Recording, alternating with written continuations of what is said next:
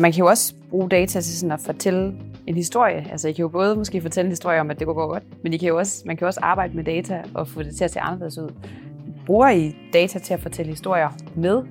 Ja, altså man kan sige, i hvert fald i min afdeling, der bruger vi jo data til at fortælle, hvad, hvad det er, vi laver. Øh, altså der, har vi jo, der bruger vi data til, altså på sådan, sådan slide vi næsten altså bruger, hvis vi er ude og, og, og fortælle, fortæller, hvor mange rapporter har vi, hvor mange brugere har vi, og, hvad, og sådan lidt fun facts omkring det. Og det er jo også, altså man kan sige, en af de sjove ting, vi også laver, det er jo, vi har haft forskellige data, hvor, når vi er ude og fortælle os omkring, hvor meget toiletpapir blev der solgt, da Danmark lukkede ned, øh, og sådan nogle ting. Og der kan man jo lave nogle øh, sjove historier.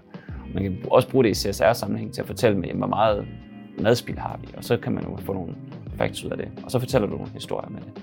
Men, men vi fortæller også nogle historier ud i butikkerne omkring, jamen, hvordan klarer de sig i forhold til hinanden, og hvordan klarer man sig på sine forskellige nedskrivninger og sådan noget. Så, så der er jo, altså, jeg synes jo, alle kopier eller sted har en lille historie bag, hvis man bare ved, hvad, hvad, hvad historien er, og hvad man skal bruge det til.